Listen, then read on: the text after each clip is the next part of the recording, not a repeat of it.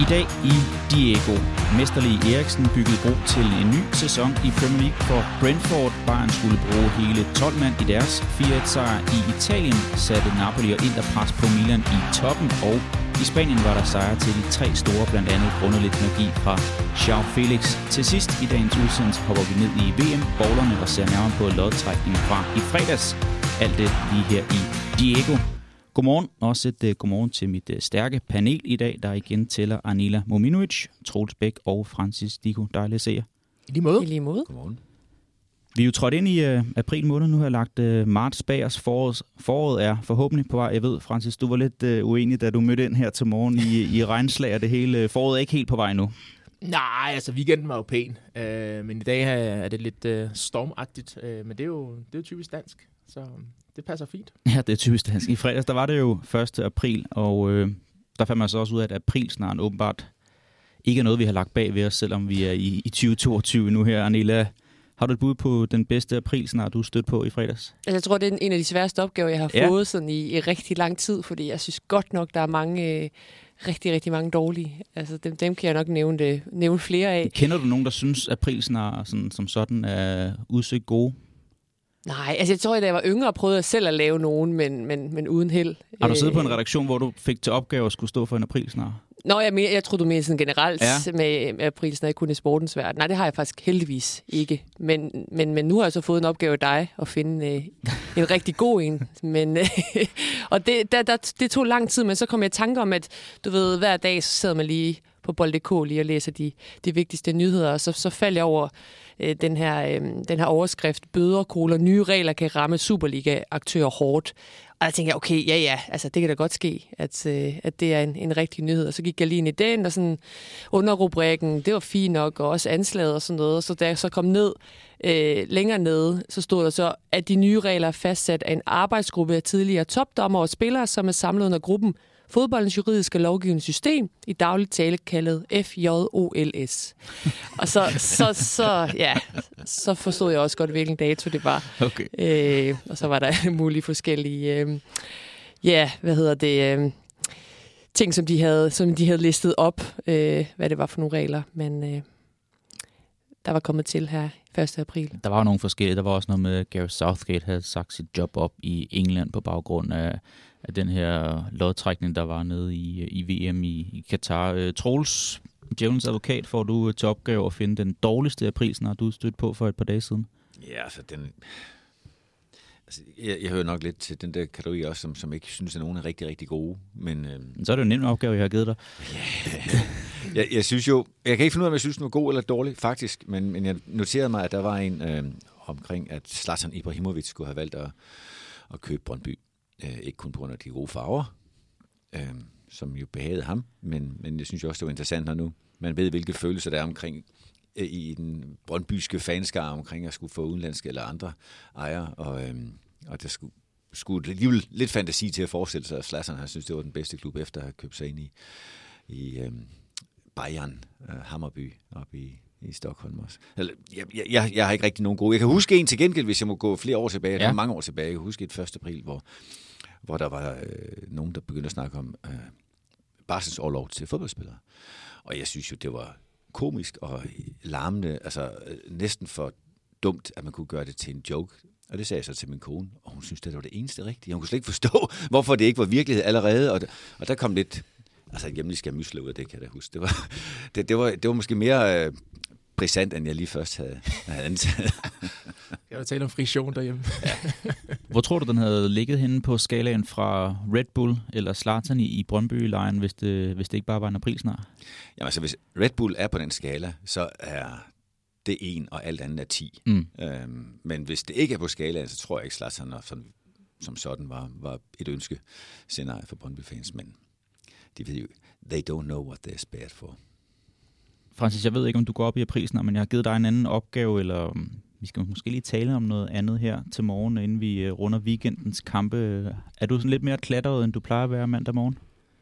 Nej, jeg ved godt, hvad du hensyder til. øh, men jeg blev ikke oppe og så øh, ja, historisk øh, øjeblik for ikke bare for dansk basket, men for dansk idræt. Mm. Øh, det er det er skældsættende. Det er, det er utroligt stort, at øh, vi har en dansk ja, landsholdsspillere i basketball, der har fået øh, debut i NBA. 4 minutter og 14 sekunder godt nok, men øh, vi tager det hele med. Ja. Og det er jo sjovt det her med for, hvad er det, 15 år siden talte man også om, at det er utopier. Vi skulle have en dansker i NHL. Nu har vi så mange, at jeg faktisk ikke ved, hvor mange der er nu her. Altså, hvad, hvad tænker du om, kan det være vejen for en, en ny trend, at vi får danskere i, i NBA, eller er det lidt mere unikt det her?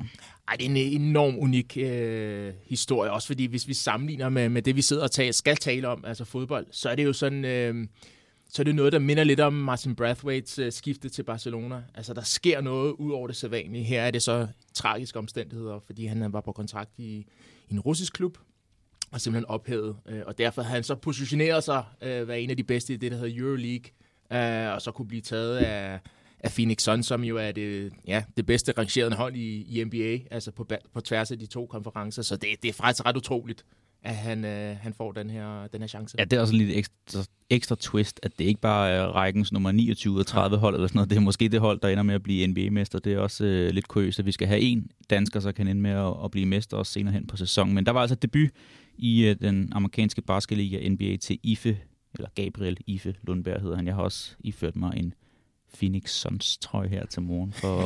jeg skal lige, altså jeg, jeg er ikke så dygtig i basket. Har han en kontrakt, der udløber om fire uger, altså udgangen af april? Nej, altså han havde en kontrakt i, i Rusland, øh, og den blev så ophævet, ja. og så er han så blevet taget af Phoenix Suns til at spille den resterende del af, af turneringen. Inklusiv playoff også, ikke? Inklusiv okay, playoff. playoff. Jeg ja. troede kun, det var... Nå, okay. Ja, ja så det er, det, er, det, det er ret vildt, øh, fordi netop de, de har den bedste rekord. De var i finalerne sidste sæson, og øh, det er en rigtig dygtig spiller, men, men jeg er ikke så sikker, det står helt vejen regning. Jeg er ikke så sikker på, at de havde taget ham, hvis, øh, altså, hvis ikke der havde været i omstændigheder, der var. Francis, du får også lidt øh, fodboldspørgsmål at lægge ud for øh, weekendens detalje for dig. Det kan både være på eller uden af banen. Ja, øh, og jeg har været i tvivl, fordi øh, som, altså, som så mange gange før, så når vi, lige inden vi går på, så siger vi, at der er sket så meget, der er sket så meget. Øh, og jeg synes faktisk, jeg vil gå med, med noget, som var Matteo Lars. Ja, han, jeg øh, kommenterede den kamp. Der gjorde det ja, det gør jeg. Ja, men han, øh, han prøver at genskabe et ikonisk tv-øjeblik. I kan godt huske Oprah, der siger, nu får du en bil, you get one, you get one, you mm. get one. øh, og det valgte han så at gengive. Han kan godt lide at være i centrum, skal vi sige. Ja, det vil sige. Men øh, han vælger simpelthen at give fire spillere gule kort. Altså nærmest som om, at de var ja, gratis til salg, skulle ja. jeg sige. Ikke? Øh, altså, det er jo sådan, det er typisk ham. Øh, men det sjove er så faktisk, at jeg sidder og ser en, en fodboldkamp om aftenen, et stort derby, jeg skulle til at sige, en stor rivaliserende opgør mellem Barcelona og Sevilla.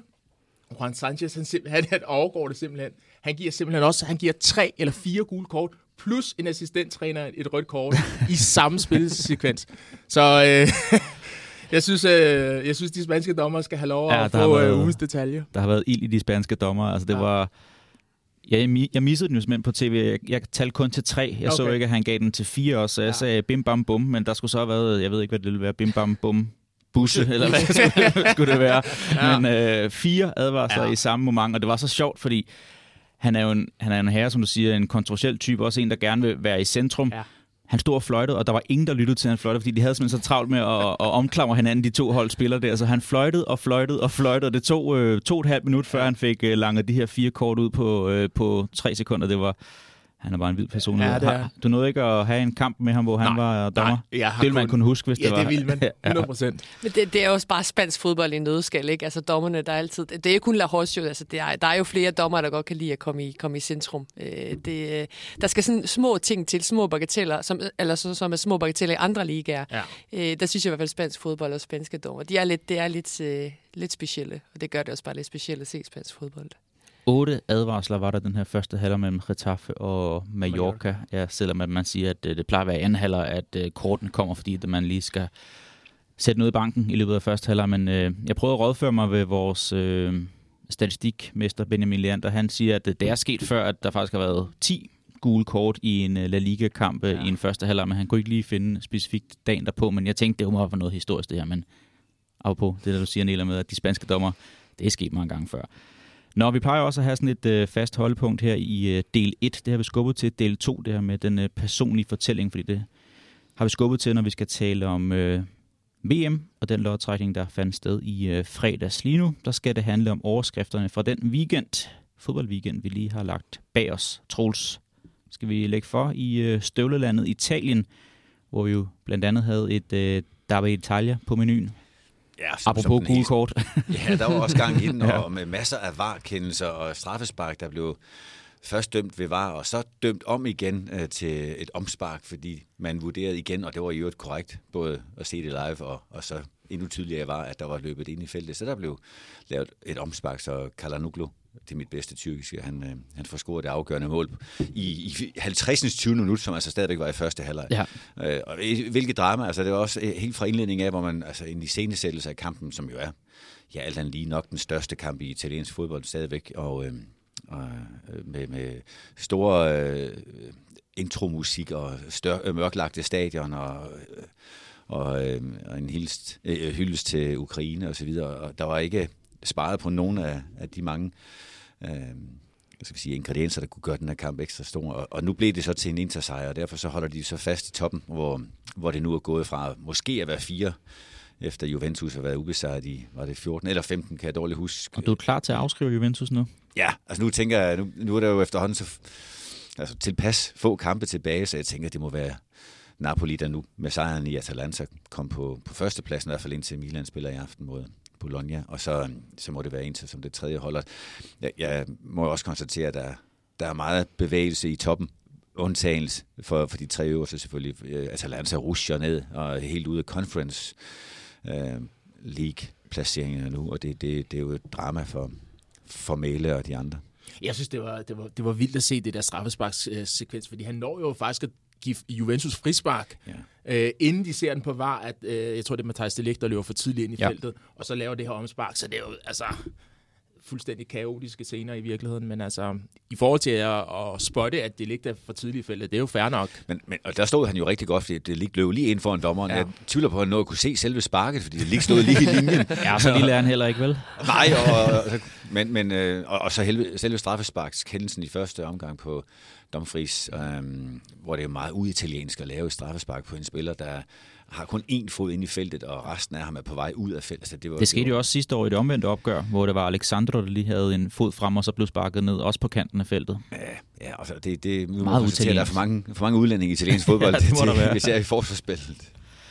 Hvordan har I det med det her med, at så stor et opgør, du siger, det er måske Italiens største opgør, bærer også øh, navnet David Italia, altså at det skal afgøres på, at en hollænder løber en halv meter for tidligt ind i feltet. Nu, nu fik han jo ikke direkte fordel af det, der skal man sige, hvis han har gjort det, jo, så kan jeg godt forstå det. Man kan selvfølgelig ikke lave forskellige regler om, om, om det er en spiller, der, der er først hen og clear en bold på en repost eventuelt, men altså, ah, jeg har det lidt svært med, at sådan et stort opgør bliver afgjort på den måde. Ja, den blev jo ikke afgjort på det. Altså for det første, så, så er der jo en hel halvleg tilbage at spille. Og for det andet, så øvrigt, så synes jeg jo, at han havde indflydelse ja, på situationen. Altså, han løber lige til den rigtige side i øvrigt. Bolden ryger lige ud i den, i den løbbane, han selv har, og der kommer en konflikt ud af det bagefter, som, som jo så i første omgang bliver dømt til, til Juventus frispark. Uh, altså, jeg, jeg synes faktisk, det er fair nok, at, uh, at den forbrydelse, det er at løbe for tidligt i feltet, den ikke belønnes. Ja, ja og så blev den jo heller ikke afgjort på det, som du selv siger, Troels. Altså, Juventus skabte jo nok chancer til at faktisk at vinde den her kamp. Øh, Vlahovic blandt andet, der også har, ja, har nogle chancer. Og Zakaria, der, Zakaria, der, der ja. igennem, det så flot ud med skud på stolpen og så videre. Altså, det er jo reelt deres bedste kamp, de spiller i den her sæson, synes jeg. det er lidt sjovt. Det er, det er lidt sjovt. Og Inders måske dårligste. Øh, de har spillet mange dårlige på det sidste, men jeg synes godt nok, de var dårlige. Altså især deres angriber. Jeg er jo stor fortaler af din Dzeko, det ved du godt, uh, Kenneth, med mine uh, bosniske rødder. men jeg må også snart erkende, at, at han er i virkelig dårlig uh, form. Og mm. det er de andre angriber så altså også. Øh, og de, de holder ikke på noget, øh, når, når den kommer derop. Øh, og så har man altså svært ved at, ved at lave et eller andet øh, rent offensivt. Så det var bare til lidt paradoxalt, at Juventus spiller deres allerbedste kamp i sæsonen og taber en, der spiller deres dårligste kamp og, sige, og vinder den. Jeg vil sige, Diego, det er altså for folk, der gerne vil lave studie i bevægelsesøkonomi, så er han jo stort set øh, mønster pragteksemplarer, fordi det er meget begrænset. Der er blevet skåret lidt på ressourcerne. Ja, ja, han venter på det store øjeblik, og det kom så ikke i den kamp heller. Han har været udsat for en, for en spareøvelse. Og ellers kan man vel sige, at Fiorentina går hen og måske får en hovedrolle lige med, at de møder top 5, ja, undtagen Inter, som de skulle ja. gjort med lige før uh, lands, landskampspausen nu. Jo, landskampspause, utroligt dårligt ord. Landsholdstermin. Landsholdstermin. Ja, fordi landskab, det er jo det eneste hold, der ikke holder pause, ja. det er landsholdet selvfølgelig. Mm. Nå, men øh, de, de møder jo både, øh, altså hele striben i øvrigt, øh, Juventus to gange øh, med den semifinale, der, der udstår også i pokalen. Så, så de kommer måske til at have en, en væsentlig indflydelse på det mesterskab, som, som de ikke selv kan vinde. Og god pointe, Arnille, det her med, at det var måske Inters dårligste kamp. Jeg så også en af overskrifterne i Italien var, at det var en Juventus-sejr, som Inter fik også på 1-0 her, hvor det de var Allegri, der spillede mod Allegri ja. med Allegri-fodbold. Ja, men men, men det, det, det har været Inter her de seneste, seneste kampe, seneste måneder, kan man vist godt sige. Vel egentlig også Juventus. Altså, jeg har slet ikke været imponeret over Juventus med, med Allegri i, i spidsen. Altså, de, de prøvede lidt med det her med at gå væk fra Allegri, og så spille lidt mere, øh, ja, øh, hvad skal man sige, frembrusende fodbold, noget mere offensiv fodbold, især med Sardi. Det, det lykkedes sikkert, så går man så tilbage til det sikre, som har været okay, men, men det har godt nok også været kedeligt og uinspirerende, når jeg har set Juventus, og det er altså ikke særlig mange gange, jeg har set den, Men- på grund de af har, det. Men de har jo prøvet det der friske med Pirlo. Øh, det virkede bare ikke. Øh, Og Sardi Sardi ja. ind, ja, ja. Og, og derfor så, så, så går du tilbage til noget, du, du føler, du, du, du kender, øh, i forhold til den succesrige periode, de har haft. Den har jo været under Allegri særligt, ikke? Så, men altså, nej, de har ikke været imponerende, men jeg synes jo endnu mere, at det har været beskæmmende at se Inter som forsvarende mester spille øh, fodbold fuldstændig ud af synk. Øh, nu sad jeg og så dem mod Sampdoria, øh, mener det var for nogle uger tilbage. Nej, ikke Sampdoria, det var Fiorentina, tror jeg, det har været. 1-1. Øh, Hvor Fiorentina også var det bedste hold Ja, i 70 minutter. Ja, og sådan noget. Ja. Øh, og, og, og det,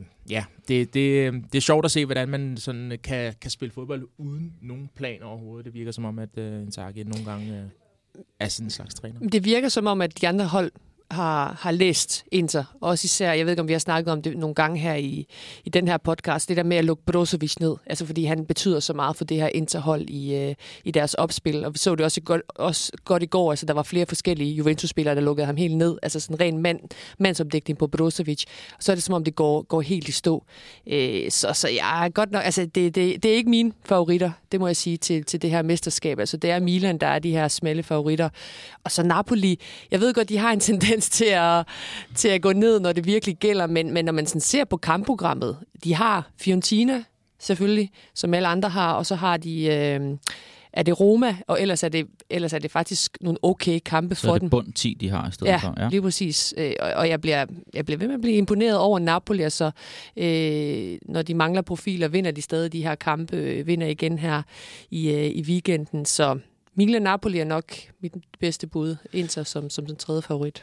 Det bliver spændende at øh, følge. Lad os øh, hoppe videre til Bundesligaen, Arnela, hvor øh, 17 sekunder viser at blive øh, noget af det, der to overskrifterne i den her weekend også. Øh, en, kvindelig, øh, en kvinde ved navn Katlin Kryger. Hvad, kan du prøve at sætte os lidt ind i, hvad der, hvad der foregik i, i weekenden i Bundesligaen? Ja, der er jo vel nogle fanfraktioner i, i Tyskland, der vil mene, at Bayern altid spiller med 12 mand, Ja. hvis man tæller, man Nu tæller kom det bare med. rigtigt til udtryk på banen. Ja, der var lige en 17 sekunder, hvor, hvor, hvor de var 12 mod, øh, mod øh, Freiburg. Jamen, der skete det, at i minut 86, så skulle Tolisso og øh, Coman ud i stedet for Sabitzer og, og Niklas Syle. Øhm, det var så kun øh, Tolisso, der kom ud, og så fandt man så ud af efter 18 sekunder, at, at Coman stadig var, var på banen, øh, og der var Bayern så foran øh, 3 på, på, på det tidspunkt. Øh, og så har man så diskuteret, hvad det er, der er gået galt der, og det man så er kommet frem til, det er så, at det er Bayerns teammanager, en Kryger, som øh, gav et forkert nummer til fjerdommeren, altså Comans gamle nummer, øh, Comans nummer fra, fra sidste sæson, som er 29, men han spiller altså nummer 11 i den her sæson, og det havde hun altså, det havde hun altså glemt i, øh, i minut 86, da, da Coman skulle ud. Og øh, den kære Kingsley, han, han forstod jo heller ikke noget, for der stod jo nummer 29 op på, på tavlen, så han blev jo på banen. Øh, og der gik så de 18 sekunder før, var det Freiburgs øh, midtstopper Slotterbæk, der gjorde øh, dommeren opmærksom på. Altså, de er altså 12 spillere. Det, det bliver lidt svært at komme tilbage, hvis, øh, hvis, de, hvis de er det. Og så røg øh, Coman så ud. Øh, og så var der lige 8 minutter, 8-9 minutter, hvor de skulle diskutere det her. Øh, og det endte så ud i, at de så spillede kampen færdig, og så er det så efterfølgende, der har været masser af diskussion omkring, hvad der skal ske. Altså, jeg sidder sådan lidt med et smil på læben nu her, men det er jo egentlig ret alvorligt, og heller ikke noget, vi ser. Så jeg tænker, hvis det skulle ske for en klub, så var det ikke bare en München. Jeg havde tænkt, at det skulle ske for en, en klub, som der bryster sig og har ry for at have styr på sagerne hele vejen fra toppen og hele vejen ned igennem systemet. Altså, det lige sker for dem. Men det kan jo få en konsekvens, at, at, at Freiburg har nogle dage nu her til at anke, og at De har kun de til i kan, dag, faktisk. okay, at de Ja. kan blive øh, skrivebordstaber dømt. Det er jo også helt sindssygt, ikke? Undskyld mig, det- det er jo helt vanvittigt, at vi, selvfølgelig er det jo en fejl. Men altså, hvor mange sekunder sagde du? Det var ikke 12, det var 17. 17. 17 sekunder i en kamp, som bliver vundet i øvrigt 4-1. Mm. Og der bliver ikke scoret i de 17 sekunder, og der sker ikke en skid af relevans for kampen. Altså, det er simpelthen også noget, undskyld, flue. Øh, ja, Knipperi, ja. Altså, fluemassage. og, der, og, og der sidder jo der sidder vel en, en altså alt andet lige, så må det jo også være op til dommerne at registrere, hvem der går ind og ud af banen. Øh, der må være en fjerde dommer, øh, der, der må registrere de her ting, så de er jo heller ikke helt uden ansvar. Øh, så jeg er sikker på, at fra Bayern Münchens øh, synspunkt, øh, hvis de kommer øh, i, i fedtefadet, så at sige, så river de altså hele den der dommerstand med sig. Det, det er helt sikkert. Men har det noget at skulle sige, at det er netop bare, altså Freiburg kunne godt bruge de her tre point, så hopper de op på siden af Leipzig med den her fjerdeplads, der giver adgang til Champions League. Det er ikke helt øh, uvæsentligt for dem at få tre point sådan lidt gratis. Nej, men, men der bliver også snakket om fair play, mm. fordi de, Bayern var foran med tre, og som, som Troels så fint siger, det er jo 17 sekunder, hvor der ikke sker noget som helst. Øh, og, og det er også det, der bliver diskuteret i, i de tyske medier. Altså, Freiburgs øh, sportsdirektør var ude og sige, ja, vi skal lige tænke over det, og vi har indtil mandag, men, men vi, vi ser på det. Men, men uh, Streich, som, altså Freiburgs træner, han, han var ude og sige, at vi følger reglerne, vi vil ikke gøre noget, og, og så må vi se, hvad der sker. Og ifølge reglerne, så er det jo dommerne, der skal styre det her. Altså, det er jo fjerdedommeren og, og, og, og hoveddommer, der skal se, om de to spillere går ud, før de to andre må absolut, komme ind. Absolut. Så det er der, fejlen, fejlen er sket. Det er jo ikke det samme som, som Wolfsburg øh, i starten af sæsonen, hvor de faktisk blev smidt ud af, af pokalen, selvom de vandt. Der havde de ikke styr på deres udskifter. De havde misforstået, at man ikke må bruge en ekstra udskifter i den forlængede spilletid. Øh, og derfor øh, nedlagde deres modstander protest, og derfor vandt øh, de så i stedet for Wolfsburg. Mm. Så der, der, er sådan, der er sådan lidt forskel i de to sager, synes jeg. Øh, også fordi Wolfsburg fik jo så en ekstra mand i, i den forlængede spilletid og fik øh, profit af det. det. Det kan man sige. Altså Bayern var jo foran her, der skete ikke noget som helst. Øh, og der tror jeg også, den ender, at, at Freiburg siger, at det var det selvom de nok godt kunne bruge de tre point i, i, toppen, af, i toppen af ligaen. Nogen, der fik tre point i toppen øh, Leipzig. Det var altså via en 4-1-sejr i Dortmund, Arnela. Øh, din gode ven, Nikolaj Lisberg, som øh, du også har en, en Bundesliga-podcast sammen med. Jeg faldt over et tweet, hvor han ligesom havde opremset nogle af Dortmunds store hjemmekampe i den her sæson. Lige prøve at, at riste dem op nu her, fordi man har tabt øh, 3 til Bayern i Supercupen i starten af sæsonen, man har tabt 3 til Ajax i Champions League, man har tabt 2-3 til Bayern i Bundesliga, man har tabt 2-5 til Leverkusen. Man tabte til Rangers i øh, Europa League, det der førte til et exit der. Og nu er altså 1-4 til Leipzig. Det er ikke den her fæstning foran den gule mur, som vi kender det. Nej, den gule mur var jo tilbage. Skal mm. vi lige tage det positive med, for det var jo første gang, inden øh, corona startede, at der var fuldt hus på øh, Signale Dula, Induna Park, som som det hedder. Altså, jeg kan jo godt lide at kalde det Vestfalen Stadion, som, ja. som vi nok alle sammen godt, godt kan. Det kunne vi lave en hel udsendelse omkring øh, Lad os de bare gøre det. Øh, men, øh, men hvad hedder det? Altså, det, det var fantastisk at se. Det var bare ikke øh, en, en fantastisk kamp, at de her øh, øh, fabelagtige fans, de fik ned på, på banen. Jo, de første, det første kvarter, synes jeg faktisk, Dortmund var, var bedst og pressede øh, Leipzig rigtig fint. Men, men da, da Leipzig øh, kom ud af det her stormvær, jamen, så var det klart bedst. Altså, jeg synes bare, det er tydeligt at se, at Leipzig er en bedre klub både på og uden for banen. Øh, og så kan man så mene om dem, hvad man vil, og det er der rigtig mange fangrupperinger, der, der gør i Tyskland. Altså, der, der var jo også øh, protester også i, i den her kamp for Dortmund, fan, Dortmund fans omkring det øh, RB Leipzig. Men, men jeg synes bare, man kan se, at det, der, er noget, der er noget struktur, der er noget tanke omkring, når de mister nogle spillere, jamen så ved de godt, hvad for nogle spillere de skal have ind. RB Leipzig, de har fået en træner ind, som, som, øh, som de har valgt rigtigt den her gang. Øh, de valgte forkert med Jesse Marsch, det ligner Domenico Tedesco, han er, han er det helt rigtige valg, efter Julian Nagelsmann har indført noget, noget andet end bare det her RB Leipzig pressing maskine fodbold. Altså der er også noget boldbesiddelse i, de her, i det her hold, som, som spillerne er blevet vant til. Øh, og Dortmund, jamen jeg ved ikke engang, hvor jeg skal starte og hvor jeg skal slutte, fordi det har bare været en råd siden, at Thomas Tuchel, han, øh, han ikke fik forlænget sin kontrakt i Dortmund. Øh, de har prøvet med nogle forskellige ting. Altså de vil både gerne finde spillere som Erling Haaland og Jude Bellingham, og gøre dem til store stjerner og sælge dem videre. Men så vil de også gerne finde nogle, finde nogle spillere, som måske ikke øh, ja, måske er stagneret i deres udvikling og øh, i andre klubber, i andre ligaer, og så løfte dem igen eller Emre Can. Øh, men, men det er jo så heller ikke sådan rigtig lykkes. Så, så de, de, de står lidt på, øh, på en skilvej i forhold til, hvad det er, de gerne vil. Øh, er det Marco Rose, der, der skal føre det her hold videre? Hvad skal der ske på ledelsesgangen? Er Sebastian Kiel den helt rigtige? Altså, jeg synes, der er mange spørgsmålstegn omkring Borussia Dortmund, og i min verden er det helt klart RB Leipzig, der er den største udfordrer til Bayern München i, i næste sæson. Der, der ser jeg ikke Dortmund som, som øh, første udfordrer overhovedet. Nogle, der også var store spørgsmålstegn ved Francis for nogle øh, måneder siden, det var FC Barcelona. Lad det være overgang til, øh, hvad der foregik i La Liga. Jeg sagde indledningsvis, at der var sejre til de tre store, Real Madrid, Barcelona og Atletico Barcelona, altså gik forbi øh, Sevilla i øh, toppen af tabellen med den her 1-0 sejr, man fik sent i, i går aftes. Skal vi ikke lige lægge for, inden Francis han lige får ordet på La Liga, med en lille La Liga-quiz, fordi at øh, Atletico vandt 4-1 i weekenden, blandt andet på baggrund af to scoringer fra Luis Suarez, der bragte ham op på 11 ligamål i den her sæson. Så han er altså to-cifret. Kan I huske, hvornår han ikke endte på et to-cifret måltotal i, øh, i en sæson i Europa?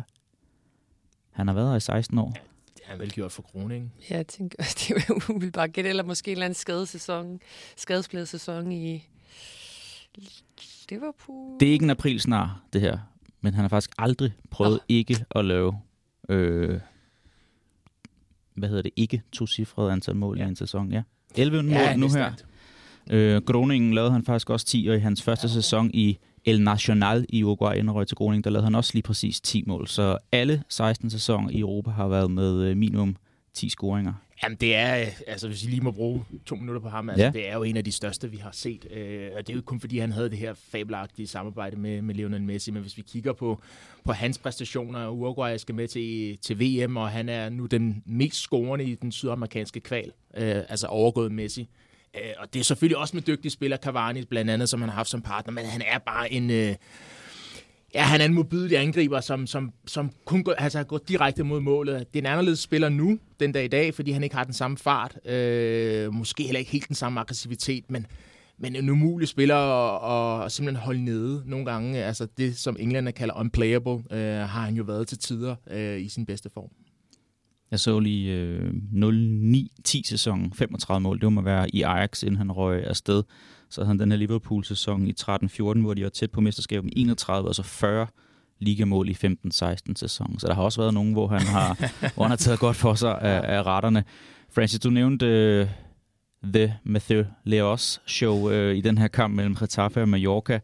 Jeg hæfter mig også ved, at uh, der var en lille hilsen fra Celta-angriber Jago Aspas, der ja. ikke var helt tilfreds med, apropos det her med at spille med 12 mand. Det mener han også, at, at Real Madrid gør fra tid til anden i, i det spanske. Ja, han uh, var ude og sige, at uh, han var sikker på, at uh, dommeren ville have, at Benzema skulle lave sit her trick, uh, fordi der var de her tre straffespark. Uh, det er en af dem brænder Benzema så. Uh, og de vinder øh, på to straffe. Jeg synes jo faktisk, hvis jeg skal være helt ærlig, øh, fair nok, Jago Aspas er også en, som han deler lidt vandene. Han kan godt være lidt provokerende, og vi har også set i tidernes morgen Sergio Ramos, de har spillet på landsholdet sammen, spytte efter ham og sådan noget. Det er så taler jo ikke særlig godt øh, i forhold til Sergio Ramos, men det er jo sådan en, som, som er ret øh, frembrusende, lad mig sige det sådan.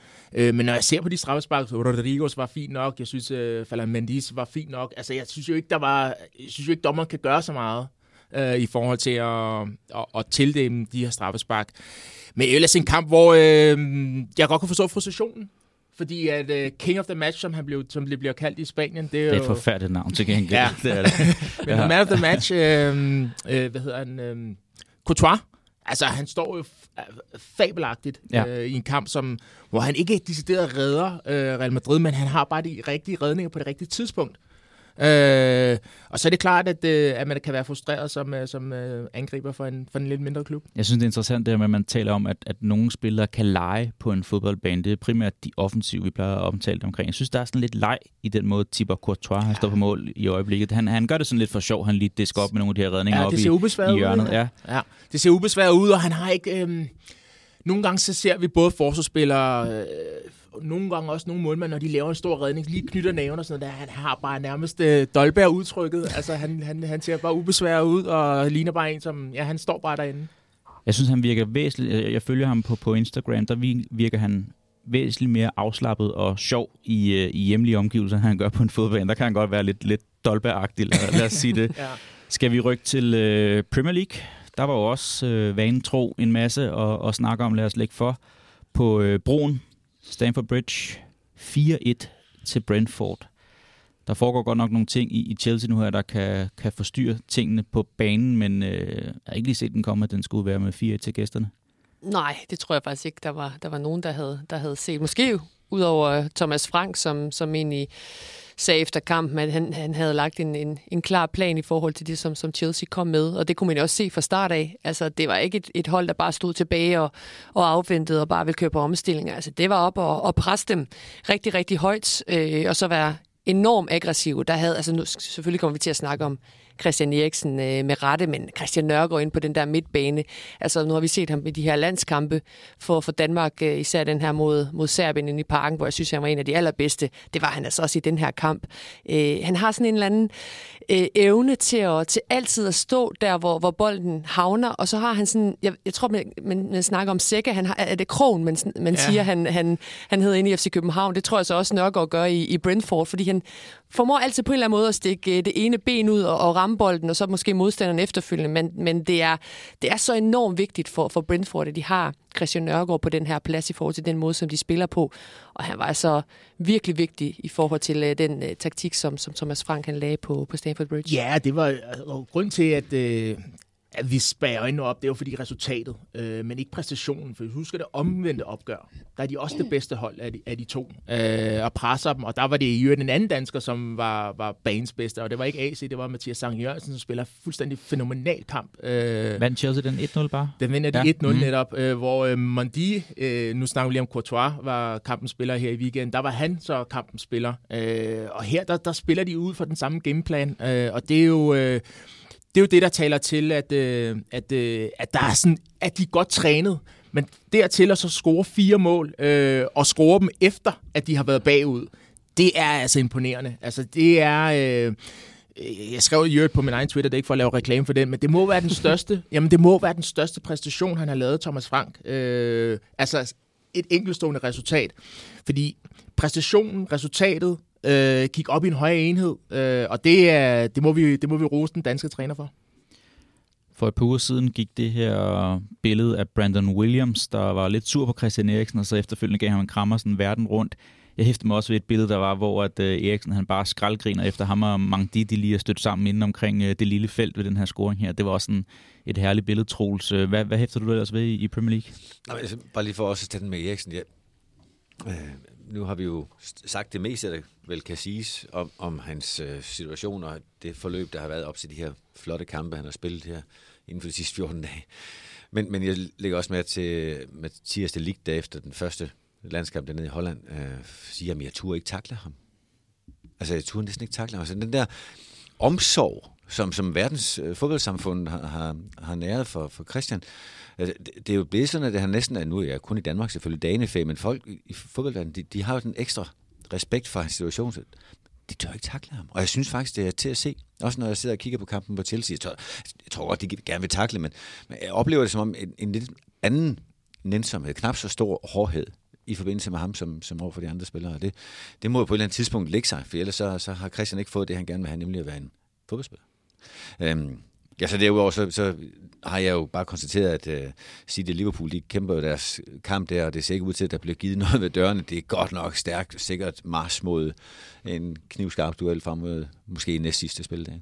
Ja, en vigtig kamp i, i weekend, vi har foran os her. Det, det bliver meget sjovt at, at sidde og se den kamp. Øh, ja, Chelsea nu er altså 13 og 14 point efter de uh, mandskaber foran, så skal måske til at orientere sig lidt bagudrettet, fordi der er Tottenham ved at sætte noget sammen med Antonio Conte. Tre sejre på stribe. og altså, ja, men det er sjovt med det ham. vil jo være så typisk Conte at nappe den her ja. fjerdeplads. Ja, det er jo sjovt med ham også, fordi øh, den ene dag, der virker det til, at det er bare grå dage, og nu øh, nyder han alt, hvad de foretager sig. Det, det kan jeg synes, det godt forstå, fordi de, de scorer altså for sjov i øjeblikket. Øh, scorer altså fem mål i går, og Harry Kane er ikke en af dem. Det, det er ret utroligt. Omvendt, så tror jeg, det var David Ginola, som var ude at sige, at han spiller i den her 10-rolle, og han minder mig om Maradona. Øh, det var måske lige at stramme den, men, men, men øh, han er bare en fremragende spiller, Harry Kane. Altså, han er... Han er en spiller, som, øh, som selvfølgelig er målscorer, men, men også har så meget andet i sit spil. Altså, han er dygtig til at linke op, han er teknisk fremragende, og så har han visioner frem af banen. Det vil sige, han, han, han, han kan også godt servicere de andre. Øh, så det er jo absolut et positivt problem, hvis de kan lave øh, både fire og fem mål, øh, uden han, øh, han bidrager direkte til, øh, til målscoring i forhold til, til at være sidste fod på, på bolden. Ja, så har de også fået en god midtbane derinde. Altså øh, Højbjerg selvfølgelig, som, som I alle sammen kender så godt, men Bentancur, som, som var sådan var han lidt en marginalspiller i, øh, i Juventus, og så nogle gange spillede han, andre gange gjorde han ikke, og det var ikke, fordi Juventus-fans var sådan helt op at køre over ham. Nej, det er at sige det mildt i hvert fald. Ja, så kommer han til Tottenham under øh, Antonio Conte, og så, så skaber han altså bare en, en jamen næsten en, en, en Premier League-profil ud af ham. Altså den måde, som han er så sikker på, på bolden, og, og det her med, at han er han er nok den midt, midt, midt, midtbanespiller, som de har savnet i forhold til de her afleveringer frem af banen. Altså de her lidt mere risikovillige afleveringer, som, som Højbjerg til tider ikke laver. Dem har de også savnet. Så det her makkerskab øh, med, med Højbjerg og Bentancur har også gjort rigtig godt. Og så vil jeg så også lige rose Doherty ude på den der vingbak, for jeg har også været efter ham øh, i nogle Premier League-udsendelser på, på Mediano, hvor, hvor jeg ikke rigtig kunne se, hvad det var, han ja, hvad det var, han, han kunne for Tottenham. Altså, Wolverhampton gjorde han det jo egentlig fint, men det er som om, at ja, den seneste måned, øh, to måneders tid, der har han jo også løftet sig, øh, som Tottenham-holdet også har. Og man ved jo også godt, kontehold og de der vingbaks der, ja. det er alfa og omega for, for ham. Men, men de to ting hænger jo fint sammen, når midtbanen, central midtbanen fungerer bedre. Altså, vingbak skal jo sættes op. Altså, det er jo, det er jo ikke en, der tager bolden ned ved eget løber op til det andet felt og afgør kampen. Altså, de skal jo sættes op, og det afgøres på midten. Så, så det er to gode og sammenhængende jagttagelser, du gør det her. Men øh, tre vigtige point for, til Brentford, der var det eneste hold i, øh, i bund 10, der vandt i weekenden. Det kan være tre øh, vigtige point. Jeg sagde også indledningsvis, måske bygge bro til en øh, ny sæson i, øh, i Premier League med eller uden Christian Eriksen. Det bliver vi klogere, hen, øh, eller klogere på senere hen på øh, sæsonen. I toppen, der spiller Arsenal øh, her mandag aften, hvor vi optager øh, en svær kamp mod Crystal Palace, men det begynder altså også at spidse til i øh, toppen af Premier League om den her eftertragtede sidste plads som, øh, som nummer 4. Skal vi lige vende bare lige hurtigt Manchester United og Leicester? Mm-hmm. For, altså, jeg synes jo, det var spændende, da de ansatte Ralf Rangnick i starten af den her sæson. Jeg tror, jeg sagde, jeg tror, jeg skrev, det er spændende det her. Også fordi det er en tysk træner. det kan dække over mange ting. Ja. Men, men det, jo, det kommer mig så til gode nu, fordi jeg kan simpelthen ikke se, hvad det er, han har gjort de seneste fire måneder. Altså, jeg tjekkede lige tabellen, da han overtog Manchester United i december, der var de fire point efter, øh, efter fjerdepladsen. Øh, der er de stadigvæk. Og Arsenal har to kampe til gode. Arsenal er blevet markant bedre. Tottenham, Tottenham, Tottenham hedder de, er også blevet bedre under Antonio Conte. Altså, når jeg ser dem spille i går, især første halvleg, så kan jeg ikke sige til dig, hvad deres plan er. Altså, de, Ralf Rangnick er jo kendt for at være en, en, en professor, en taktisk professor, og så er han bare fænomenalt til at lave et, et, et preshold ud af sine spillere. Det pres, jeg så i går, det var... Øh, det var, det, altså det var indesigende. Altså der var, der var spillere, som slet ikke deltog i det. Øh, når United så havde bolden, så, øh, så var der heller ikke nogen plan. Øh, Rashford, som, som starter ude, øh, selvom Ronaldo og Cavani ikke er med, der er nogle spillere, der slet ikke har noget selvtillid. Altså, jeg, jeg har ikke troet på United øh, på den her øh, top 4 i, øh, i lang tid. Det gør jeg godt nok stadigvæk heller ikke. Nej, og det, det, bare lige for at tage den med Ronaldo. Det er altså seks kampe uden Ronaldo, og de har stadig ikke formået at vinde. Jeg er ikke sikker på, at det er ham, der er problemet.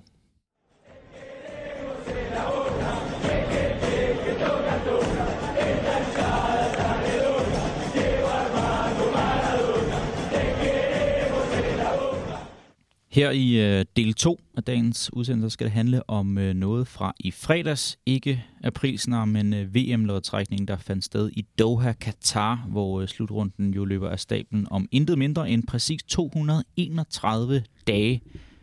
Det bliver altså ikke øh, grillpølser og kolde fadøl, men ja, noget koldt kan vi godt nyde. Det er måske, eller en varm gløk til... Æbleskiver. Hvad, hvad er det? Gløk og æbleskiver ja. til VM-fodbold. Det, det er endnu et bevis Men på, det er skævt, gløk? det her. Altså, det er da en forfærdelig opfindelse. Hvem gider Ja, drikke ja, varm er vin altså med med- mysli? Jeg er med på Francis' hold her. Det, øh, Helt ærligt. det, det, det, det, Nå. Jamen, jeg har først lært at drikke varme drikke for et par år siden, og det var ikke et gløk, jeg kastede mig over som, som det første. Det var nok, nok kaffen. Ikke? Jeg har heller ikke rigtig helt forstået den nu.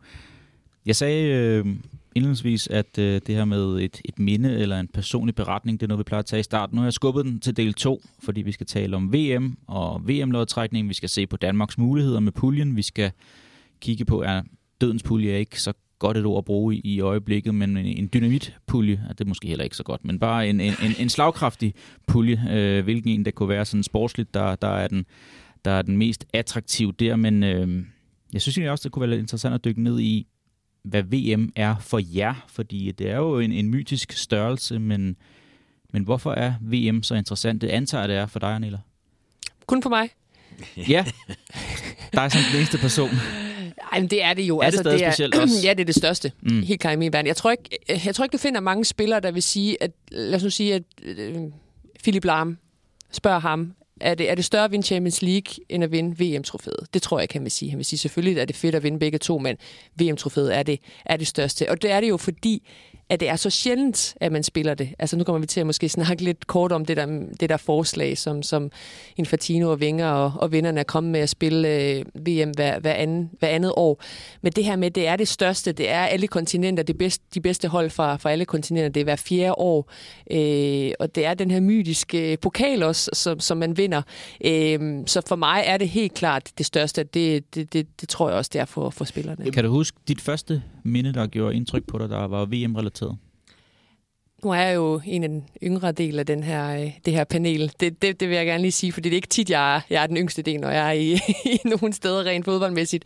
Så jeg går tilbage til 98. Det er sådan mit første VM-minde. Mm-hmm. Øh, og fedt for mig, fordi der var Danmark jo med. Øh, og det er det, jeg husker allermest fra den, øh, fra den slutrunde. Jeg kan huske, jeg var de der 10 år, og jeg fik lov til at til at sidde øh, oppe i, i lidt længere tid, da, da Danmark skulle spille mod, mod Nigeria, og så de her ikoniske mål, der blev scoret, og, og Danmark kom til, til kvartfinalen og mødte Brasilien. Den fik jeg også lov til at se øh, sammen, med, sammen med min far, øh, selvom klokken var, var, var over ni. Øh, så øh, så det, det, det er sådan min, min største og første øh, minde fra, øh, fra VM. Så det var primært de der knald kampe og ikke gruppespilskampe, der på det her med øh, dommer, der, der tog overskrifter. Der var jo en, en, en herre, der tog overskrifter i nogle af vores øh, puljekampe ved den her VM-slutrunde. Ja, men det var ikke det, jeg huskede, Nej. fordi jeg var, så, jeg var så ung. Altså, det var mere de her oplevelser, den her den der, de der sommerfugle i maven. Øh, og euforien også. Til, ja, lige præcis. Euforien mm. også. Og så det der mytiske med, at vi mødte Brasilien altså i kvartfinalen. Det er jo ikke tit, vi møder Brasilien øh, generelt, og vi var så tæt på faktisk at, at slå dem ud. Øh, ja, jeg er stadig ærgerlig over det der Rivaldo-mod på, på, på Schmeichel. Øh, Ja, kunne, han ikke, kunne han ikke have nappet den? Peter Schmeichel, vil jeg med. Ja, jo, det kunne han godt. Det kunne han godt. Troels, øh, dit første VM, der ligesom har indkapslet sig i kroppen hos dig? Jeg kan starte med at sige, Var det sort-hvid?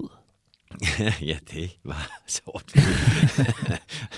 Jeg kan starte med at sige, at øh, jeg, som, som det er blevet leveret til mig som legenden derhjemme i min familie, det er, at øh, min far var så optaget af at se VM-finalen 1966, så min mor måtte vente til dagen efter med at føde mig. Øh, så den gik jeg så glip af.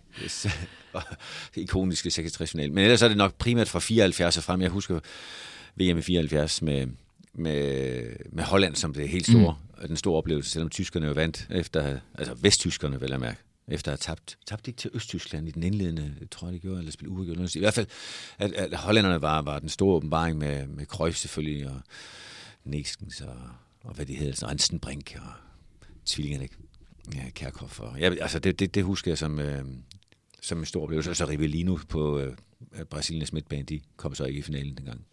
Og det her med en VM-slutrunde, som Anela også tager hul på, hvad vil det ændre for dig? Øh, nu er det et tænkt eksempel, fordi det ikke er, er, er mejslet i granit nu, men at man ændrer det ikoniske med de fire år og det unikke til, at vi skal spille måske hver andet år nu her? Jamen, så er det for mig sådan, lidt sådan, sådan tilbuds, altså udsalgsvarer lige pludselig. Så er det sådan, at øh, når, når, når cyklusen er med OL og EM, at det er hver fjerde år, hvorfor pokker skulle VM så pludselig gå ind og sabotere og, og lappe ind over os? Nej, jeg, jeg, jeg synes ikke, der er nogen grund til at drive yderligere rovdrift oven på de uendelig mange kampe, som de spillere, som vi godt kan lide at se, de bliver udsat for, og, øh, og nu bliver så skadet, så, så, så vi må mangle dem i rigtig mange kampe, og et VM, som måske endda også går hen og bliver afgjort af, hvem der har færre skader på det tidspunkt, fordi grov, rovdriften og overbelastning af, af de topspillerne er så ekstrem. Har du forstået det her nu med, så man skal ændre det fra hver fjerde til hver andet år, så kommer det jo til at ligge i nogle år, hvor vi var vant til, at der skulle være EM-slutrunder. og kunne den her åbning med, at vi fik skubbet Euro 2020 til 21, kunne du skubbe til, at man så kunne afvikle EM øh, i ulige år, tror du? Ja, ja, altså man, man kan godt regne hjemme, matematikken kan gå hen og blive convenient nok jo, men, men det er Jeg tænker ikke, der skal ligge to slutrunder i samme øh, sommer. Ja, men jeg synes jo bare, det er sørgeligt, at... Øh Altså, øh, du hører jo heller ikke nogen fra, fra sportens verden. Altså, du hører fra, fra de fodboldpolitiske kontorer snakke om, at de synes, det er en super god og velbetalt idé, og var det 100, hvor mange milliarder øh, det kunne give ekstra til FIFA. Mm. Og du har alligevel nogle tidligere spillere, der er på, på Vingers vogn i forhold til, altså Peter Schmeichel, øh, apropos, ja. er, er jo også fortæller spillere, for, der kan jeg ikke være med at tænke på, for det her. hvad de har fået for ja, det, at det, sige. Det, det, det handler om.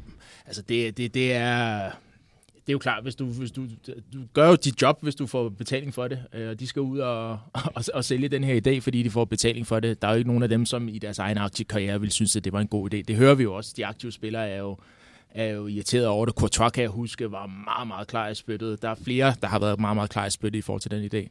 Øhm, men Nej, så kør. Jamen, jeg, jeg synes også, at det der jo for mig ser det helt underliggende, det er, at det er et politisk magtspil mellem FIFA og UEFA, fordi FIFA er grundigt træt af, at der er så meget herunder også pengestrøm, der går til UEFA på grund af Champions League-modellen, og, og det vil de også gerne uh, have snablen ned i, og hvis de kan fordoble antallet slutrunder, kan de også regne den hjem til at fordoble mængden af, af økonomi til FIFA, og så af den vej kan de måske tilrane sig den første plads, de mener, de skal have, men som UEFA jo efterhånden både finansielt og, og interessemæssigt er, er gået ind og, og løbet af med. Så det er ikke nok bare at udvide til 92 øh, hold, der er med til en slutrunde nu her. Nu, nu skal det også være hver andet år, ja. Men, men det handler, det handler altså det er jo om penge. At det, det handler om, at der og også er flere og flere lande, der gerne vil øh, ja, lægge land til, til en VM-slutning. Jeg har jo set, altså, læst, at Saudi-Arabien gerne vil, øh, gerne vil øh, afholde et, et VM, og hvis det så bliver holdt hver andet år, jamen, så er der jo kæmpe mulighed for at gøre det, og kæmpe mulighed for FIFA til at, til at tjene mange flere øh, milliarder. Så, øh, så det er det, det handler om, selvom Wenger siger, at det, det handler jo om spillerne det her, fordi med, med VM hver andet år, så kommer vi jo til at til at have nogle slots i, øh, i, i kalenderåret, hvor, øh, hvor spillerne ikke skal ud på de her landsholds... Øh, øh, landsholdspauser, hvad var det, vi kaldte det, landsholdsterminer. Øh, fordi han, han, han siger jo, at han gerne vil have, at man kun øh, har kvalifikationsrunder to gange om året, øh, hvor det kun er seks kampe med, med fire hold hver. Jeg er ikke lige helt sat mig ind i det, men, men det lyder på en eller anden måde ret, øh, ret urealistisk. Men der er et scenarie, som, hvor jeg godt kan følge tanken, øh, og som de også bruger som argument. Det er, hvis du, hvis du så har det hver andet år, så kan du have det i nogle lande, hvor du kan få en bedre infrastruktur, du kan få en bedre økonomi til nogle af de lande, især på det afrikanske kontinent, og det giver god mening øh, ud fra det økonomiske aspekt, vi taler om nu, at du faktisk kan generere noget, øh, både noget... Øh, hvad hedder sådan noget der, op, ja, opmærksomhed, det er sådan et forkert ord, men, men, men simpelthen, altså vi har haft et VM øh, på det afrikanske kontinent. Ja. Øh, altså, der, der, der er flere måder, du kan, du, kan, du kan fremme økonomi på i forskellige lande, som ikke har den samme, som vi har heroppe. Så, så på den måde kan jeg godt følge det. Og i øvrigt, så bare lige for i forlængelse af det, du spurgte Nele om, om det er det største. For mig bliver det det største VM, fordi at det er en følelse. Når du spiller for din nation og repræsenterer din nation, så er det bare noget andet, end når du er på et kontraktligt øh, forhold øh, med en, en fodboldklub. Godt, og en god pointe, Troels, den, den havde jeg ikke lige tænkt over med, med det her magtspil mellem UEFA og FIFA. Hvem er egentlig førerhunden og, øh, og påhængsvognen i det her lille øh, magt... Øh, relation, de har. Det, det er egentlig ret interessant at dykke ned i, at FIFA gerne vil, vil, vil tilbage på, på førerposten der. Francis, øh, dit første VM-minde? Jamen, jeg tror faktisk, altså det, det er svært at sige, men jeg tror faktisk, vi skal prøve at komme med noget konkret, så tror jeg, det bliver, bliver Roger Miller, og hans ja. øh, målscoringsfejring, hans, hans dans, øh, som, som et eller andet sted har været sådan en lidt en, en, en plantegning til, hvordan man kan fejre og score mål, som også unge og, og ja, yngre fodboldfans øh, sådan, tager det til sig den dag i dag. Nu er det bare TikTok og alt muligt andet. Dengang var det var det nede i hjørnet. Øh, jeg mener, det var VM 90. Øh, 94. Nej, 90. 90 første. Ja. Undskyld, ja. Ja, i hvert fald 90. Jeg mener, det er 90, fordi jeg var, jeg var Ja, der har jeg været 7-8 år. Øh, og så det, det, altså, for at prøve at komme med noget konkret, så, så mener jeg, det er der. Men det er i hvert fald det, jeg tænker på, når jeg tænker på VM. Så tænker jeg på, at, øh, at det, er jo, det er jo liv og glade dage, det er målscoring, det er erfaringer, det er det, altså en kæmpe, øh, hvad hedder sådan noget der. Øh, Ja, det var en overraskelse. Altså, de, de slår Argentina i den første øh, ud og danse. Jeg ved godt, det var en kæmpe, det var så ikke ham, men øh, en, en kæmpe fejl øh, der, der fører til målet. Øh, så Roger Miller må det blive, øh, og hans, hans fejring. Fedt. Så tager jeg 94 slutrunden, som jeg kan huske, øh, og det var et mål. Sverige lavede den her frisbakskombination. Nu kan jeg faktisk ikke huske, hvem af dem det var. Jeg tænker, det var... Rolin. Ja. ja, men var det i gruppespillet, at de lavede den? Så har det måske været mod russerne, der... Nej, der skulle han på straffespark. Så er det måske senere hen turneringen. Den, det er i hvert fald den, jeg byder mærke i. Nu kan jeg så ikke lige huske, hvem modstanderen var. Men øh, det var helt nyt for mig. Og så lige, at at Sverige skulle diske op med det i forhold til, når man hvad man sætter dem i bås med. I øvrigt en fed jubelscene, han også har. Ja. Og lige laver den der... Der, ja. Pio, Pio Etten, Ja. den, den, den lille mand, der var lige så høj, som han, han varede i, i vægten nærmest. ja. Men så, så vil jeg altid sige, den ikoniske jubelscene fra, fra 98 er jo også Brian Laudrup. ja. Og Søren Kolding, skal vi tage ham med? Ja, ja, Det er jo en del af, ikke? ja, øh, men, men det, er- det er jo også en stor del af de her slutrunder, ikke? Altså de her ikoniske jubelscener. Det er i hvert fald noget af det, jeg husker fra, fra 98. Altså, jeg, jeg ved ikke, om det var planlagt. Jeg tror aldrig, han er blevet spu- spurgt om, om det var planlagt, eller, eller om det var. Men, men, men det, det, altså, jeg kan godt lide, når det er umiddelbart. Altså, det, Ja, jeg, det vil, ikke, ikke jeg vil er... ikke håbe det for Søren Collins vedkommende, at det var, det var også det. Han så ikke så, så convenient ud, som, øh, som Laudrup gjorde. Nej. Men der var faktisk nærmest, nærmest en ikonisk jubelscene per slutrunde, vi kan, vi kan nævne. Jeg kan da også huske den der Columbia havde for nogle år siden, hvor de stod i samlet flok og, og dansede ned omkring øh, sidelinjen også. Der, har, der har været nogle fede nogle af slagsen. Ja. Lad os prøve at tale om øh, det, der foregik i fredags. Der var jo en, øh, en lodtrækning. Danmarks pulje. Eller inden da, inden vi tager hul på det. Hvad var jeres øh, sådan, øh, favorit scenarie set med sportslige danske briller i forhold til de tre hold, vi skulle passe med? Hvem vil jeg lægge alt for? med Katar. Ja. Ja. Og synes du også det, altså fordi, det kan man sige, sportsligt det med henblik på at, at avancere til de her knockout-kampe, men Anela var også inde på det, en af de kampe, hun kan huske bedst, det var mod Brasilien, fordi der er noget mytisk over stor mægtige i Brasilien. Den kom jo også i knockout-runden, ikke? Altså det vigtigste Mm. er vel at komme videre, og det er vel også Ja, okay. det, Troels, som du... Ja, øh, plus at den bliver mere mytisk af, at man kvalificerer sig videre til det. Ja. Altså det der med at ved et lodtrækning og få lov at møde dem i en, puka- øh, i en pulje, det er knap så mytisk, synes jeg. Altså de kampe mod Frankrig, som Danmark har spillet et par stykker efter, og tre vil sagtens til VM, øh, kan vi da måske godt huske, men, men det er på ingen måde nærheden af det der med at komme igennem fra puljen og så spille knald- eller faldkamp. Så tre navne, Troels. Og Katar. det er voldsomt. Jeg må sige, jeg har det sådan, at jeg synes, det er kun interessant, hvem fra første lag. De andre, øh, nummer 3 og 4, det er sådan lidt, øh, ikke at det er hip som hap, men, men hvis Danmark på nogen måde skal gøre sig tro på at komme, komme videre fra puljen, så, er det jo fordi, at vi kan slå nogle af de andre, og så synes jeg ikke, det er så afgørende, hvem der er fra tredje og fjerde lag. Helt nøgternt. Men, øh, men alt med Katar havde jeg, havde jeg synes var fedt. Var der nogen af andre, der havde gang i den der simulator, hvor man kunne øh, simulere, hvad for nogle hold vi skulle op imod? Faktisk ikke den her gang, og det gjorde jeg ikke, fordi, ikke fordi jeg gik op i det, men, men jeg synes faktisk ikke, det var så vigtigt, fordi øh, det vil ikke ende i en, en skrækpulje for mig, uanset hvad, fordi vi er i sidningslag 2.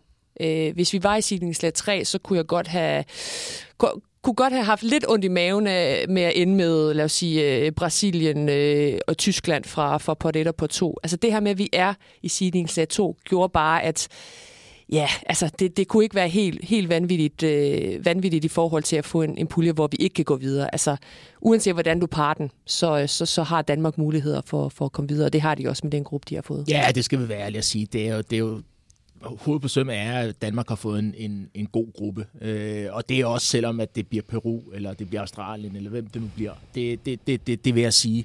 Øh, marginalt bedre havde det været, hvis det havde været det andet opgør, Costa Rica og, og New Zealand, altså vinderne af den. Men altså, sådan skulle det ikke være. Jeg synes ikke, øh, at der er nogen grund til at være bedrøvet over den øh, gruppe, der er blevet trukket ud til Danmark. Men det er også interessant, det du siger, Anela, at vi hæftede os egentlig ikke så meget ved, hvem kunne øh, de mulige op af hatten fra Borgle eller fra Pulje 3 og 4 være, fordi at vi er så etableret og godt et mandskab, som vi er nu her, så man siger, at hvis vi skal videre, så skal vi selvfølgelig bare slå dem, der laver rangerende også. Det synes jeg er meget interessant.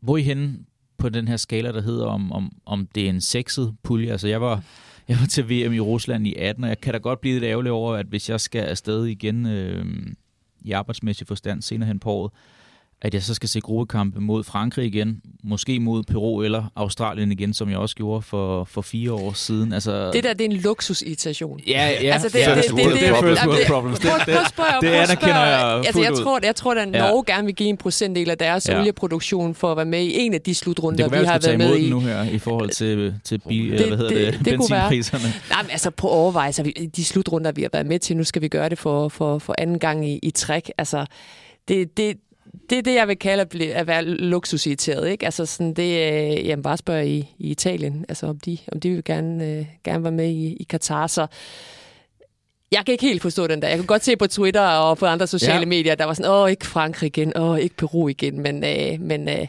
jeg er sgu egentlig bare glad for, at vi er blevet så gode, at, øh, at vi kom med til de her slutrunder. Ja, og vi er med så tit, så der er nogen, vi siger, ikke dem igen. Altså, Ja. det, det er da helt fint. Altså, Ja, min, min søn, han, er- han er kæmpe, en af dem er kæmpe Neymar-fan. Vi var heldige at være nede og besøge PSG, og mødte ham to dage i træk. Og han sagde til sin egen store forbøvelse, anden dag, jeg har det samme tøj på, som sidst jeg mødte Neymar. Altså det er det der med, når man gør det tit nok, Havde så kan man Neymar begynde... også det? Han skifter garderobe fire gange om dagen, tror jeg. Ja, vidste ikke. Men den der oplevelse af, at Nå, er vi nu her igen? Det er jo fordi, vi er vældig, vældig gode. Altså det skal vi da være glade for. Okay, det er first world problems her. Øh, Det er jo heller ikke sikkert, at, at man skatter ned, men, øh, men, men synes I, der er noget af det her med, at, at en gruppe skal være pigerne og, og interessant, Francis? Nej, den skal være sportsligt attraktiv øh, for mig at se. Det er klart, at øh, som fan, altså nu, nu skal vi forhåbentlig også arbejde med det, så, så skal den være sportsligt attraktiv. Men som fan, så kan jeg da godt forstå, at der sidder nogen og tænker, om det kunne da være meget sjovt at møde Neymar eksempelvis. Øh, når vi nu skal møde Frankrig i Nations League her om nogle måneder, øh, så vi ikke hele tiden skal møde dem. Men, men, men igen, det, det, det, det er jo efter temperament, øh, tænker jeg. Og jeg. jeg er enig i, at Danmark er kommet til et punkt, hvor at, øh, at vi skal kunne bide skære med, eller Danmark kan bide skære med, med stort set alle nationer, men, men det kunne godt have været værre. Altså, fra tredje lag, hvis du mødte de afrikanske mester fra Senegal, så er jeg ikke sikker på, at øh, jeg havde siddet og tænkt, om det, den, den kører vi bare henover. For, også fordi det er nationer, du ikke rigtig selvfølgelig kan du scoute på dem, men vi ved, at forberedelsestiden er enormt øh, træng. Og vi ved, at, øh, at der, når du ikke møder et hold, eller ikke har mødt dem øh, kontinuerligt, som vi har med de fleste europæiske nationer, så er det bare vigtigt, at du kan forberede dig ordentligt. Øh, og, så, så, så der er scenarier stadigvæk, som hvor jeg vil sige, det kunne have været meget værre. Det er også derfor, jeg siger, at sportsligt attraktiv er i hvert fald, når man sidder og arbejder med det, synes jeg, er, er det vigtigste. Så, så kan vi forhåbentlig få, nu bliver det ikke en, en sommer, som vi fik, men forhåbentlig en vinter, som øh, kan blive rigtig, rigtig sjov. Og så var der også noget med, at når vi møder Frankrig i puljespillet, så har vi for vane at, at gå videre. Ja, der er noget med noget 2002, hvor... 2002 øh, og 18, og så synes jeg også, der var en slutrunde med, jeg så øh, på noget. Men, 84... Ja, der er Ja, noget med nogle ja. VM-slutrunder. Det var EM. EM er det ikke så godt at møde dem, øh, hvis nok. Der var en, Nej, fire der vinder de i hvert fald, Frankrig. Ja, Ja. det er rigtigt. Det er Men rigtigt. de gjorde de så også i 18, selvom vi gik videre. Men der er jo også det her med, at øh, den der statistik med, med forsvarende verdensmester, de har det med at, med at, at, at slutte slut deres øh, hvad skal man sige, eventyr fire år efter. Altså det, det, det oplevede de jo selv i 98, og så fire år senere i 2002, hvor de så røg ud i, i gruppen med, med Danmark. Vi så det med, med Tyskland senest i, i 18. Øh, Spanien gjorde det også. Var det ikke i, øh, i 10, hvor de... Øh, Undskyld, i 14, hvor de røg ud af, af Efter gruppespillet. de har vundet 10, øh, ja, det er rigtigt. Men altså, når man ser Frankrig spille, så er det jo ikke fordi, at det ligner et hold, der er, der er stagneret eller er på vej ned i forhold til, øh, til det, de viser. Og jeg synes faktisk, det var interessant det her med Julemand, han sagde, at nu skal vi møde dem to gange i Nations League. Hvordan kommer jeg til at stille, altså hvilken hold stiller jeg med i Nations League i forhold til, at vi skal møde dem til VM-runden? Det synes jeg faktisk er sådan en meget interessant tanke i forhold til sådan det taktiske. Fordi han har jo ikke særlig mange brikker at spille med i forhold til Frankrig. Altså Nej. det kan godt være, at vi er et godt hold, men vi har ikke lige sådan 50 spillere på, på topniveau at, at tage af. Nej, man snakker om, at de har et, et C-hold, der kunne være konkurrencedygtigt i top 10 i verden nærmest. Øh, Frankrig i forhold til det, de ser har du der og bare de spillere, der ikke er med. Altså, det er jo fuldstændig vanvittigt. Det er, et, altså, det, er det bredeste hold i, i verden, Det- det- øh, rent Derfor slog det mig også. Jeg, jeg faldt over øh, en spiller, de har udtaget senest, der spiller i spiller han i Nantes eller Brest eller et eller andet, hvor jeg stod hvor der var sådan en afstemning på, på en Twitter-profil, der, der følger fransk fodbold til, der skrev, skal han være med i Deschamps VM? Altså, Jeg har aldrig hørt om noget, kan han virkelig være i spil i forhold til, til de øh, folk, de nu har at vælge imellem? Det var helt vildt. Det U21-landshold, de havde med, øh, det har jo så været sidste år øh, i Ungarn, det kunne have spillet med til en VM-slutrunde. Mm. Altså det er, vi, vi snakker etablerede spillere fra, de, fra, fra Fanar til Konaté, til Kammerwinger, til, jeg ved ikke, altså, Ja, kun Og det. Mbappé havde også alderen til at være med sidste år. ja, ja, han har også alderen til det. Altså de kunne, have- de, ja, jo, VM-slutrunde er så meget sagt, men det havde i hvert fald været et hold, som kunne, kunne byde, byde, eller, ja, byde sig til hos, øh, hos øh, i hvert fald den, den gennemsnitlige landshold. Vi havnede jo så i øh, gruppe D, hvor øh, Frankrig, Tunesien er øh, allerede afgjort, og så kan det jo så blive øh, de forenede arabiske emirater, Australien eller Peru, der bliver fire hold i den her pulje her. Vi skal så passe med øh, gruppe C. Hvis vi øh, vinder, så møder vi så øh, toren i gruppe C, der inkluderer Argentina, Saudi-Arabien, Mexico og Polen. Hvis vi så bliver to, så skal vi så møde vinderen for den pulje, der måske kunne lugte lidt af Argentina. Hvordan ser I på, på de muligheder at blive, blive parret med netop gruppe C? Ja, det er afhængigt af, om, øh, hvem vi skal møde fra, fra gruppe C, så at sige, i forhold til Argentina er jo i en gængel i øjeblikket, som, øh, som er svære med at gøre. De vinder rigtig mange kampe, eller taber i hvert fald ikke. Det er 30 kampe ubesejret. De har knækket koden, så at sige, i forhold til at vinde Copa America. De kan godt vinde med Messi, øh, har, vi jo, har vi jo set. Øhm, så, så det er ikke et hold, som, øh, som, som jeg mener, at Danmark skal, skal sidde og håbe på. Øh, og omvendt øh, har Polen de har måske en spillestil, som passer os meget godt i virkeligheden, som jeg tror, vi kan, vi kan, vi kan gøre noget ved. Mexico har jeg svært ved at vurdere, øh, selvom at de når at vinde. Nej, det gør de ikke. Det gør Canada. Så de når ikke engang at vinde deres øh, CONCACAF. Jeg talte øh. faktisk med en kollega af jeres, øh, Frederik Palle inden for DR-sporten, øh, der er meksikansk gift. Ja. Han siger, at uh, meksikansk fodbold har ikke været ringere de sidste ja. 20 år, end tilfældet er i øjeblikket nu her. Men man taler Men der er stadigvæk 8 på verdensranglisten. Ja, ja, præcis. Så, så de har noget historik, også nyere historik, som gør, at man må have respekt for den. Men, men lad os da bare trække det kan vi ikke få lov at bestemme selv, lad os da bare for dem. Men det er jo sådan et hold, som så egentlig gør det fint i gruppespillet, og så kommer det videre men kommer ikke videre derfra. Ja, altså, det, er altid været historien. Ja, ja, det har altid været historien med, ja. med Mexico, så, øh, så det er heller ikke sådan et hold, jeg som sådan frygter. Polen synes jeg faktisk var dårligere end Sverige. Altså jeg så den der kamp øh, i Warszawa. Polen øh, har Lewandowski, og så har de nogle hårdarbejdende typer bagved. Sverige skaber 3-4 chancer, de skal score på. Så dem er jeg sådan heller ikke sådan helt op og, og køre over. Saudi-Arabien vinder faktisk deres pulje. Øh, altså jeg så, der var flere, der sagde, at ah, vi skal have Saudi-Arabien og sådan noget. Det, det kan man egentlig også godt forstå, fordi alle spillere spiller nærmest i, i Saudi-Arabien, men de, men de ender altså foran Japan og Australien og alle, alle de andre hold. Så øh, altså, who knows? Det kan være, det, det, det bliver en af overraskelserne ved VM. Der er jo altid et eller andet hold, som, øh, som overrasker. Jeg er i hvert fald overrasket over at se, at de lå nummer et i deres, i deres pulje og kvalificerede sig direkte. Det må jeg sige. Så tror du, den første, der har kaldt den, at Saudi-Arabien bliver det... Tager du lige tidskolen der? Det, det, det ekstra krydderi i, i VM 2022. Hvor øh, er knaldpuljen henne for jeres vedkommende ved den her lodtrækning, der fandt sted i fredags?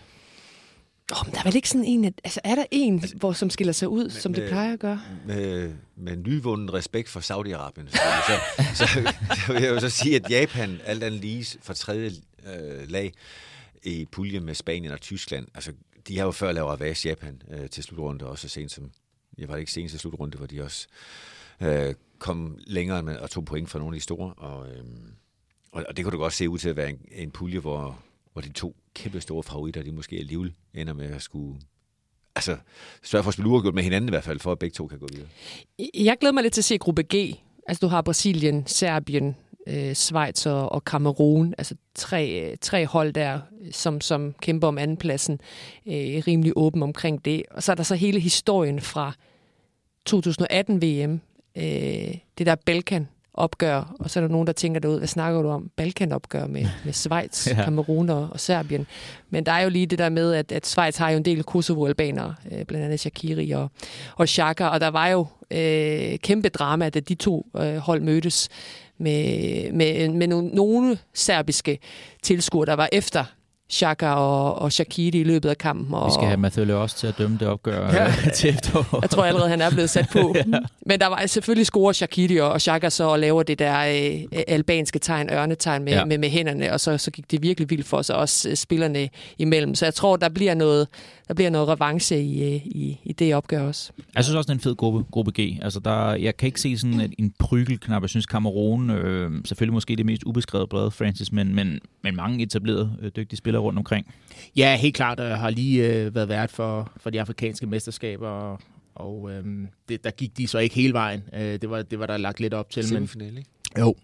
Øh, men øh, fysisk stærkt hold, øh, og som har, har, har dygtige spillere i de rigtige, øh, på de rigtige positioner. God målmand. Har en rigtig god målmand, Jonas Nara, og de har en rigtig god målscorer i Abu Bakardi. Øh, og det, det er jo vigtigt. Øh, og det er jo nogle gange det, der afrikanske hold øh, falder lidt for. Det er også derfor, jeg siger Senegal. Altså, de har måske verdens bedste målmand. Jeg ved godt, I har nævnt på try i første del, men, men Ewamandi er i hvert fald deroppe af, øh, og så har de selvfølgelig Sadio Mane, som, som, som kan score målene og, og kan tage presset af mange af spillerne. Så der er mange øh, af de der hold, men, men det er jo klart, nu snakker vi om revanche i forhold til, til den gruppe, Anela taler om. Der, der tænker jeg jo særligt på Uruguay og Ghana. Mm. øh, også med en Suarez øh, fra, fra, fra 10, ja. øh, hvor han, øh, han ja, han agerer håndboldmålmand. Øh, så det er altså en kamp, der, bliver, der allerede er blevet bagt op til nu. Altså det er revanche, og så ender det med, at Suarez laver hat og de ender 4 og så er der ikke så meget der. Men, øh, men jeg glæder mig virkelig til, til, til, til, til den gruppe, også fordi den er, for mig at se, er den, er den ret lige. Jeg ved godt, at Portugal vil være favorit, øh, men den, den er ret lige i forhold til, når vi ser på ja, de, de, de senere øh, års præstationer i VM-slutrunderne.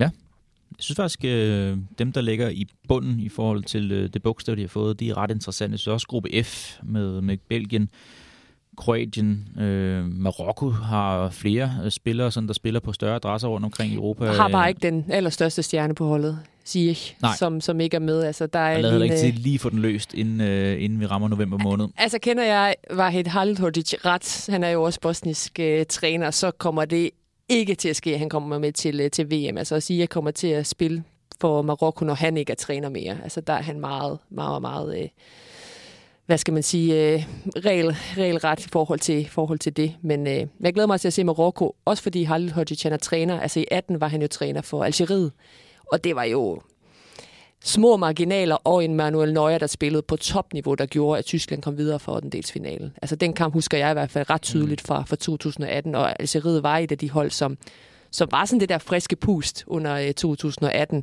det håber jeg lidt for, for Marokko, at de er i, øh, i 2022-udgaven. Altså han har i hvert fald øhm, historikken i forhold til at tage, tage hold med til, til VM og gøre et eller andet. Jeg tror, Elfenbenskysten var han også træner for Japan også tidligere, så det er en rutineret træner. Han er bare ikke gode venner med Ziyech. Og han skal nok have nyt job efter sommer, øh, efter vinter. Fordi det, det er jo det sjove ved det her, at det, det er ikke sjovt for alle, men, men der kommer kun succestrænere til en slutrunde. Alle har fået succes, og der kvalificerer sig, men notorisk vil en tredjedel af dem øh, blive fyret.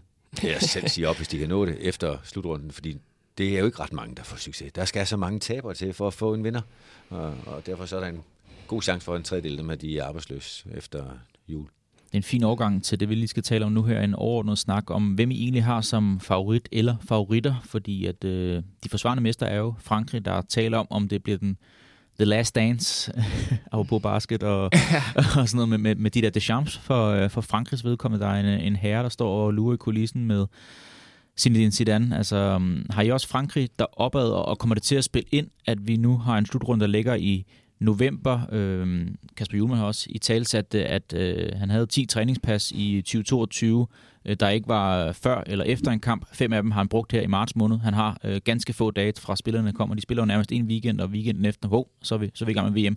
Kommer det til at spille ind med favoritfeltet, at det er sådan en sammentømret gruppe, hvor der ikke har været de helt store udskiftninger de seneste par år? Ja, det, det, selvfølgelig gør det det. Altså, jeg vil sige, for mig at se, er der ikke... Øh, er der måske ikke mere end fem hold, der kan vinde det. Du skal også huske på, hvordan de bliver parret. Det er jo også mm. ret vigtigt. Altså, vi kan jo sidde og snakke vigtigt, om de, ja. de, de gode nationer. Derfor vil jeg gerne smide Argentina med i puljen. Og det er jo ikke, fordi jeg sidder og tænker, at Danmark ikke har nogen chance, vi skulle møde det. Men, men det er bare ret vigtigt, hvordan øh, den der bracket er lavet i forhold til at gå videre. Men ellers så er det jo Frankrig, det er Brasilien. Jeg, jeg, vi er nødt til at smide øh, Argentina med i... i øh, i den ligning. Og så handler det lidt om igen om den der med, med, med, med parringen. Kan Belgien, det er mere, er det the last dance? Jeg tror ikke på dem. Øh, jeg tror, det er for tidligt for dem. Jeg tror, det er for tidligt for Spanien. Øh, altså, i forhold til at være den der absolut topfavorit.